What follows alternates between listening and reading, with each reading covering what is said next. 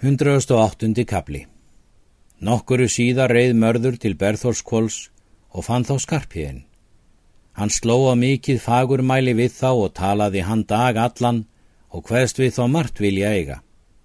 Skarpiðin tók því öllu vel, en hvað hann ekki þess leitað hafa fyrr. Svo gerðist að hann kom sér í svo mikla vináttu við þá að hvorugum þótti ráð ráðið nema við aðra réðust um. Njáli þótti ávalt ílt er mörður kom þongað og fór svo jafnan að hann amaðist við. Einu hverju sinni var það að mörður kom til Berðórskóls. Hann mælti til þeirra Njálssona.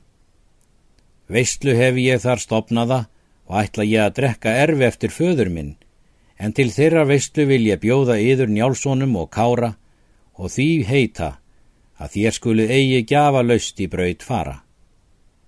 Þeir hétu að fara. Fer mörður nú heim og býr veisluna.